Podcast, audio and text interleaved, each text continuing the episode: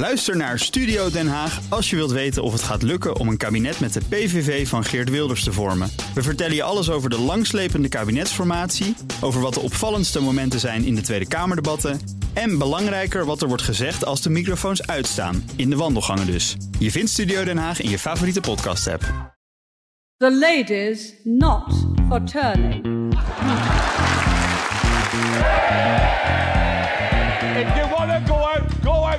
But if you stand again, I'll lord you out. Make your mind up. Are you excited about another election? You're joking.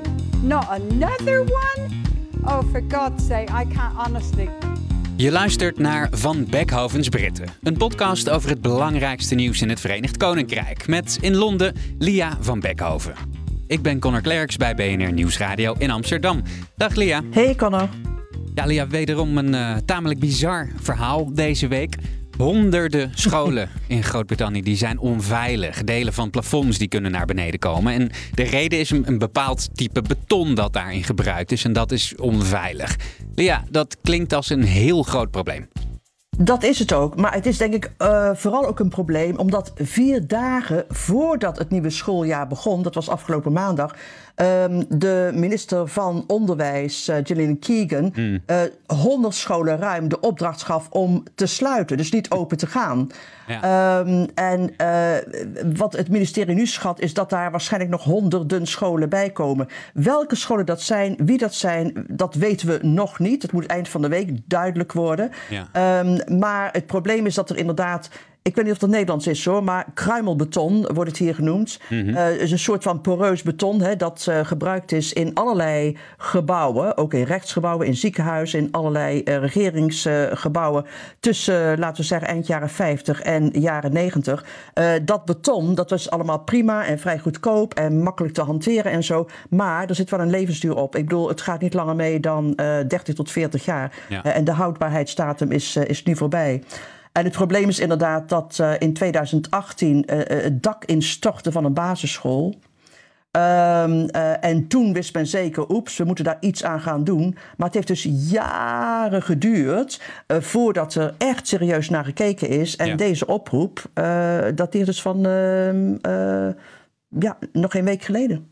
Ja, het is weer eigenlijk een, een soort verhaal wat het is, het is, een hele opzichtige in-your-face metafoor eigenlijk. Hè, voor voor de, de, de stand van zaken nou, in, in het Verenigd Koninkrijk. Ja, het is heel erg, precies. Het is heel erg voor de hand liggend. Uh, dat het inderdaad een metafoor is voor het land in verval. Um, uh, en ik denk ook dat het een prachtig voorbeeld is van wat er gebeurt als je 13 jaar lang niet investeert in de openbare sector. Ja. Als je voortdurend bezuinigt.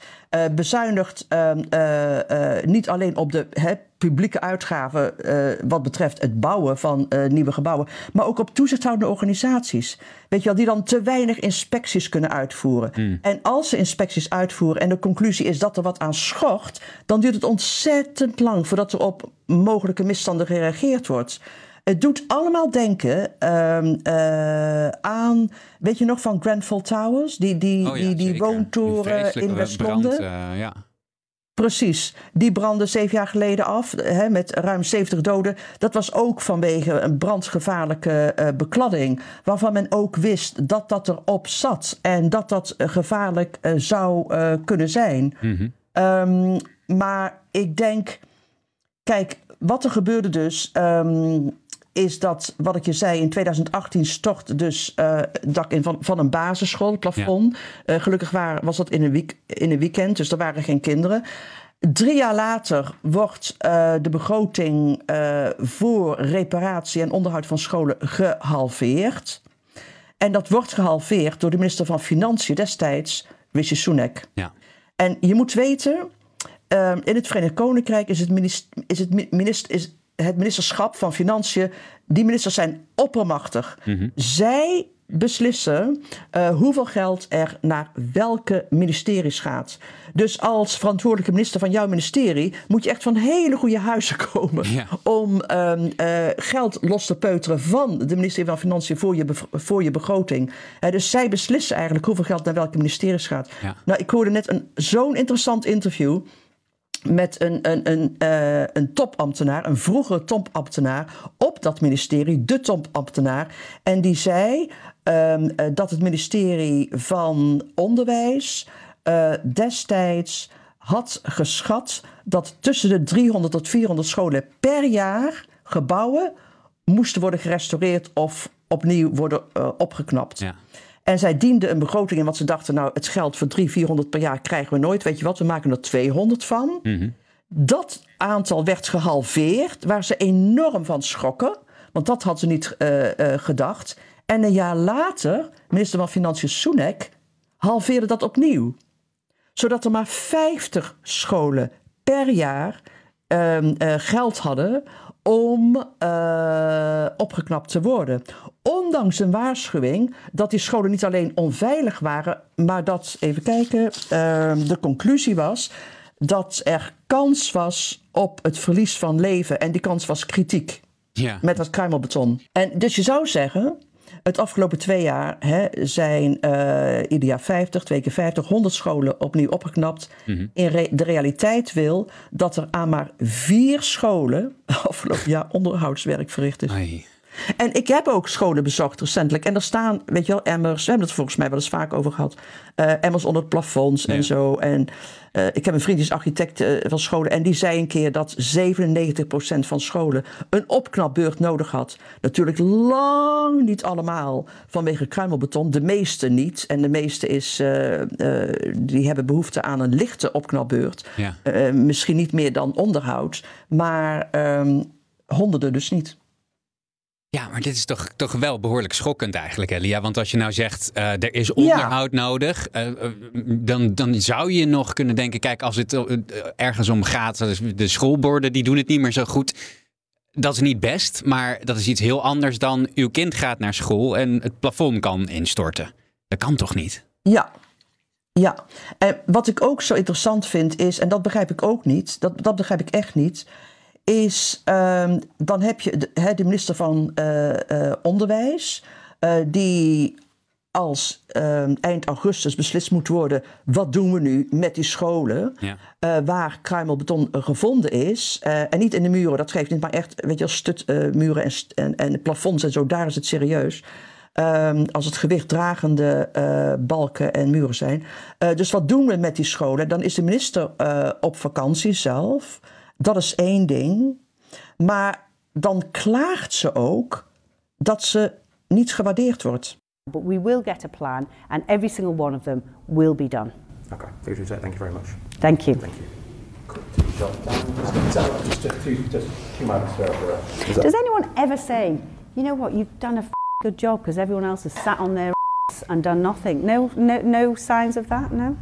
Ja, dat is toch wel. ja, dat niemand tegen haar heeft gezegd dat ze een fucking good job doet ooit. Ja. Um, ja, dat, dat, dat, dat irriteerde haar, over hot mic drops uh, gesproken. Want natuurlijk had ze het niet bedoeld te zeggen. Binnen enkele uren had ze zich uh, voor haar taalgebruik verexcuseerd. Hè, maar zat de microfoon nog op en zo. En als journalist is het natuurlijk te mooi om te laten gaan. En uh, ik heb het geteld en het haalde deze fout. Haalde de voorpagina's foute uitspraak van de Financial Times, The Sun, The Mail, The Times, The Guardian en The Mirror. En allemaal was de conclusie hetzelfde. Uh, die Gillian Keegan vecht voor haar politiek bestaan. Ze is niet geschikt om aan te blijven, bla bla bla bla. Allemaal voorspelbaar. En ik moet je zeggen, um, ja, je zou zeggen, dit soort houding is uh, licht merkwaardig. Ter verdediging, deze minister Keegan uh, zit pas tien maanden op haar post. En tien maanden is trouwens een vrij lange tijd. Uh, de afgelopen, de ja, afgelopen 13 maanden. Weet je, weet je hoeveel ministers um, van onderwijs de Britten de afgelopen 13 maanden. 13 maanden, oh jeetje. Uh, ik zou gokken vier. Zes. Waarvan er één twee dagen, uh, twee dagen uh, uithield. Ja, ja, ja, ja. Maar dan nog, weet je wel, dus zij voelt natuurlijk... Kijk, dit, heeft niks, dit, is, dit, dit dateert van de jaren negentig. Toen wisten we al van het kruimelbeton. Ja. Uh, en dat dat maar houdbaar was tot een bepaalde periode. en ze heeft gelijk, dat had ook niks met haar te maken. Maar het gaat wel weer opnieuw over verantwoordelijkheid. En, en, en dat is dan vrij onbegrijpelijk, hè? De, de, de toon ook. Um, want wat je haar en haar staatssecretaris van Onderwijs ook uh, ehm, avond na avond, uh, ochtend na ochtend op radio en tv hoort zeggen is... Maak je geen zorgen, lieve ouders. De meeste van de 22.000 scholen die wij hebben, daar is niets aan de hand. Het gaat er hooguit om enkele honderden. Terwijl als ouder denk ik, uh, uh, maakt jou dat niet uit. Je wil weten, zit mijn kind op een van die honderden scholen? Ook al is het maar uh, in totaal nog geen half procent van het totaal aantal scholen. en in plaats van ook te zeggen, iedere school met kruimelbeton is er één te veel. We, we, gaan nu, we sturen iedere aannemer die we hebben op die scholen af. Dat wordt helemaal niet gezegd. Sterker, er wordt nu gezegd dat er geen extra geld is voor die reparaties. Die moeten uit de bestaande onderwijsbegroting komen. Ja, ja het is, het, het is uh, krankzinnige politieke communicatie. Vind je niet? Ja, nee, Ik bedoel, echt. politiek echt toondoof. Ik krijg nu weer een pushbericht. Um, uh, het ministerie van Onderwijs heeft een poster doen uitgaan. Um, en die poster, daar staat op... De meeste scholen zijn niet aangetast. Ja, ik heb hem gezien, ja. Nou, binnen een minuut had de Labour-partij natuurlijk ook een poster. De meeste zwemmers worden niet door haaien opgegeten. ja, precies. Uitstekend. Met ook een, had je linksboven het hoekje gezien, ook in plaats van het logo van het uh, ministerie van Onderwijs, stond ja. het logo ja. van dat stadje uit Jaws. Hè? Echt schitterend gedaan. Ja, ja, leuk. Ja. Ja, maar dit is echt. Ja. Maar ja, je, je, zei het zelf eigenlijk al, hè, Lia. Dit, dit probleem uh, dateert mm. van ver voordat uh, uh, Gillian Keegan minister van Onderwijs werd. Ja. Iemand waar je wel heel makkelijk in deze naar kan wijzen is Rishi Sunak. Want die kreeg dit op zijn bord van die topambtenaar. Die heeft tegen hem gezegd: We moeten hier iets mee doen. Want er is een kritiek risico dat er doden vallen. En het gaat nogmaals om schoolkinderen. En Sunak, wat, hoe reageert hij op die aantijging? Ook in de verdediging. Het is helemaal niet waar, zegt hij. Uh, het plan was dat wij uh, 500 scholen gingen repareren. Klopt, maar 500 over een periode van 10 jaar. En volgens mij is dat nog steeds uh, 50 per jaar. Tja. Dat is ongelooflijk. En als, en als dan het resultaat is twee per jaar, is dat niet, van de afgelopen twee jaar in ieder geval, is dat moeilijk te verdedigen. Maar het is ook Kijk, dit heeft gevolgen daarom ook vanwege, je noemde het, hè, dat directe lijntje naar Sunak. Toen ja. hij minister van Financiën was, zei hij dus um, uh, 50 per jaar en niet meer. En, en dat is uh, politiek, denk ik, uh, zorgwekkend voor hem. dat er een rechtstreekse lijn is naar de premier zelf. hij schapte de onderhoudsbegroting met 50 procent. Mm -hmm. En wat je ook nu ziet. Ik steek me lekker, maar ik denk het toch wel, is dat je dat toch wel ziet dat de tij deze week um, aan het keren is. He, be bevriende kranten, naar aanleiding van dit uh, kruimelbetonschandaal. Uh, bevriende kranten, ik bedoel bevriend met de conservatieve partij. Ja. Um, uh, zoals de Daily Telegraph, die hebben dinsdag een leidinggevend commentaar waarop, waarin ze zeggen letterlijk... het heeft geen zin meer deze regering het voordeel van de twijfel te geven... als het in de laatste, omdat het in de laatste levensfase verkeert. Hm. Waarom journalisten uh, regeringen orde van de twijfel moeten geven, is, is een andere vraag. Maar ik denk, kijk, de pers um, uh, ziet de peilingen keren. Ze draaien natuurlijk langzaam met de polls mee, met Ja. de lezers mee. En het, het, het onderstreept hè, het gevoel alsof de regering Sunak op zijn einde loopt. Het- hij zit er bijna een jaar volgende maand. Hij heeft ook de pech eh, eh, dat hij ja, gekozen is door een partij vorig jaar die toen al twaalf jaar regeerde. Hè, dat hij over een jaar hooguit verkiezingen moet gaan houden.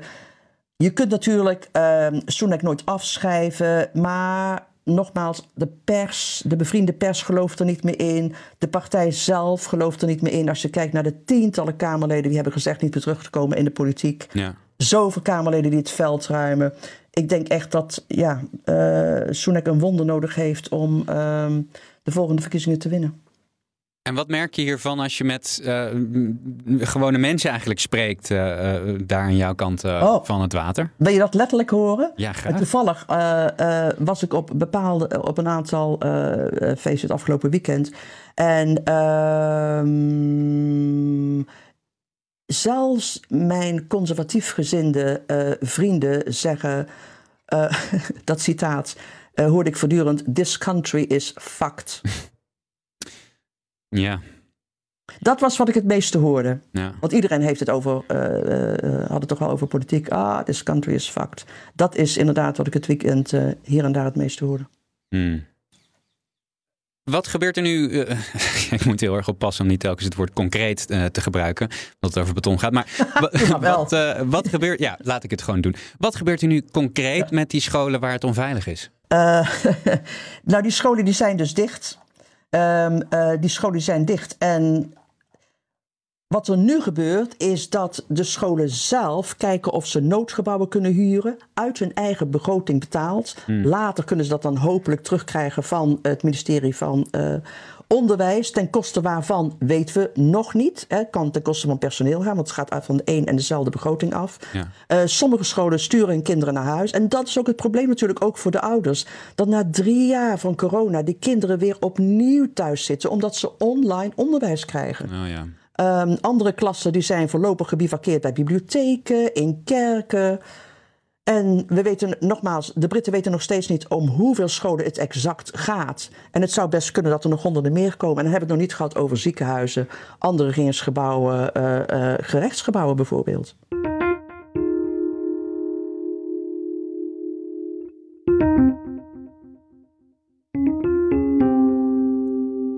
Deze week uh, moeten we het ook, of mogen we het ook, hebben over koning Charles uh, de derde. Die is uh, pak een beet, ja, over deze week in elk geval één jaar koning.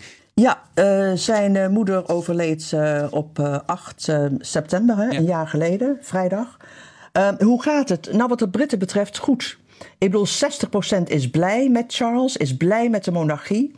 Um, uh, de overgang, zo je wil, van het Elisabethaanse tijdperk uh, naar Charles III is geruisloos verlopen. Er is geen sprake geweest van een, een, nationale zenuwinzinking. en als je kijkt naar Charles zelf, dan lijkt hij relaxed. zelfs zijn haar is meer relaxed, een stuk langer. Je vreest met grote vrezen dat hij daar ooit een elastiekje in gaat doen, maar, maar voorlopig nog niet. Een koning met een Hij heeft ook een heel succesvol uh, staatsbezoek afgelegd aan het begin um, van dit jaar aan Duitsland. Over een ja. paar weken gaat hij uh, uh, voor hetzelfde doel naar Frankrijk. Um, wat ook, weet je wel, destijds voorspeld was, hè, dat hij... Volgens mij hebben we het daarover gehad in de, onze eerste podcast, dat hij toch die bemoeizucht lastig uh, zou vinden te laten varen. Ja. Uh, want dat was natuurlijk wel zijn reputatie, dat hij zich vooral met staatsaangelegenheden en regeringszaken bemoeide. nou, dat is niet het geval. Tenminste, daar heeft niemand hem tot nu toe op kunnen betrappen. hij mocht niet naar de klimaattop van premier Liz Truss. Geef niet als je vergeten bent wie dat is. Um, en, ze, en hij hield in plaats daarvan, uh, dat was een mooie oplossing vond ik, uh, een receptie op Buckingham Palace voor allerlei klimaat, uh, houten methoden en zo. Ja. Um, dus zo'n alternatief had hij bedacht. Maar daar staat tegenover dat, dat, dat van sommige, volgens sommige noodzakelijke veranderingen weinig te zien is. De, de, familie, daar zou Charles ook zelf vaak over gepraat hebben. Met zijn medewerkers, de familie zou uh, gestroomlijnd worden. Uh, Buckingham Palace zelf zou vaker uh, open zijn voor meer mensen. Alles zou wat zichtbaarder, wat toegankelijker worden ja. en zo. misschien zou wel een sommige van de paleizen, landhuizen, kastelen um, uh, geschrapt worden. Dat is allemaal niet gebeurd. Uh, waar Charles wel over heeft, is dat hij een aantal managers uh, kwijt wil. Maar dat is het. Mm, ja, het zou allemaal wat moderner worden, hè? maar dat is dus nog niet echt gelukt. Nee, het zou allemaal wat moderner worden. maar als je kijkt naar de actieve koninklijke familieleden.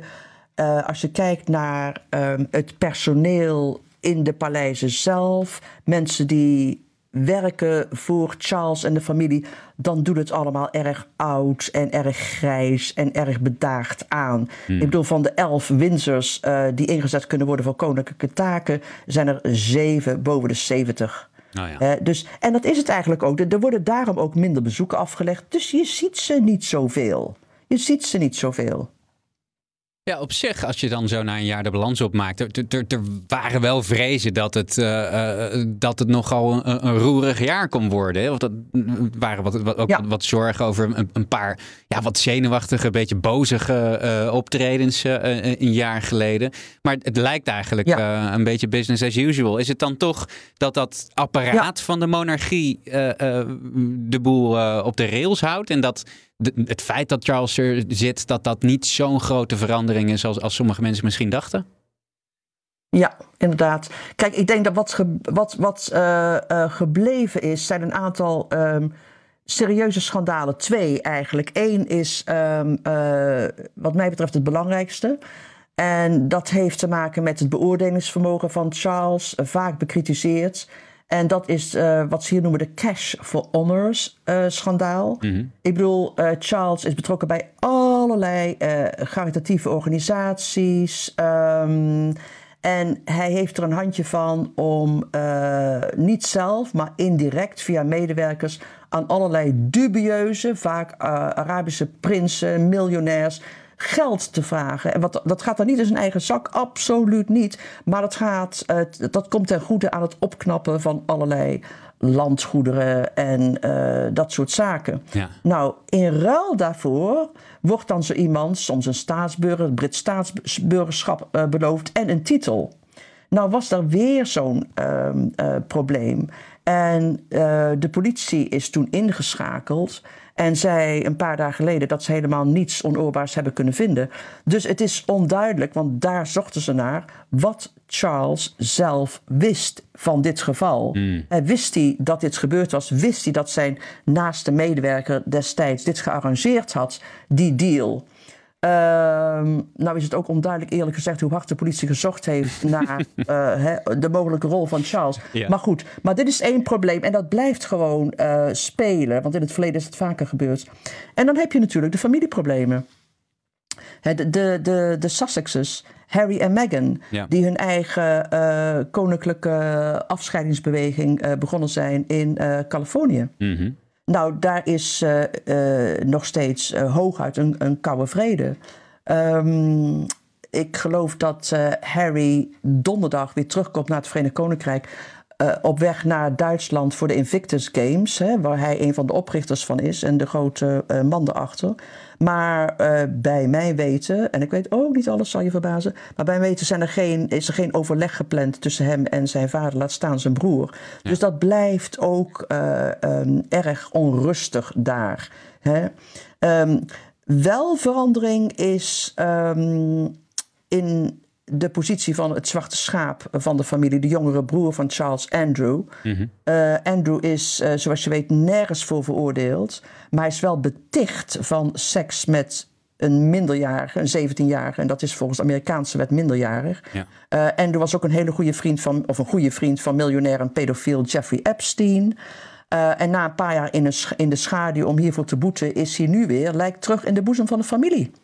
Hij werd laatst, het is echt uh, Kremlin-watching, maar hij werd laatst um, uh, in een auto um, door uh, William naar de Schotse vakantiezetel van de familie gereden.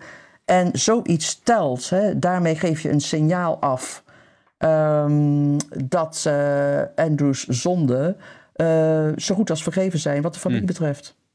Dat is toch opmerkelijk, want dat zag je zijn moeder niet snel doen.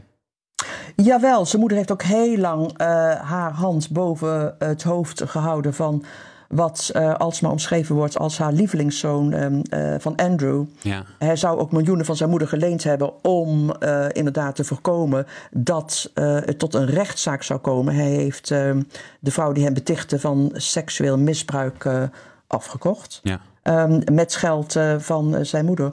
Maar alles bij elkaar concluderend denk ik uh, dat, de, de, dat je kunt zeggen dat de, de uberconservatieve Britse monarchie onder Charles uh, uberconservatief uh, lijkt te zullen blijven. Hm. En, en, en, oud. En um, ook als je kijkt vooral dus naar de mensen met, met wie hij zich omringt. Het lijkt denk ik alsof de modernisering van William moet komen... en alsof Charles de troon voor zijn zoon warm houdt. Maar ik wou je nog één citaat geven. Dat is zo'n mooi citaat van de historicus hier, Tom Holland. Die zei uh, letterlijk um, dat de Queen in al die jaren niks gedaan had maar dat ze dat erg goed deed. en ik denk dat, dat Charles ook in dit opzicht uh, hoopt een voorbeeld te nemen aan zijn moeder. Dankjewel voor deze week, Lia. Binnenkort gaan we uh, al jullie luisteraarsvragen beantwoorden. We komen een beetje om met het nieuws deze week, dus daar komen we gewoon net niet lekker aan toe. Blijf ze gewoon uh, sturen. Dat kan via WhatsApp naar het nummer 06 28 13 50 13. Ze worden allemaal gelezen. Gaan we zeer binnenkort wat mee doen. Lia, um, hartstikke bedankt voor deze week en ik spreek je woensdag weer. Graag gedaan. Goeie week.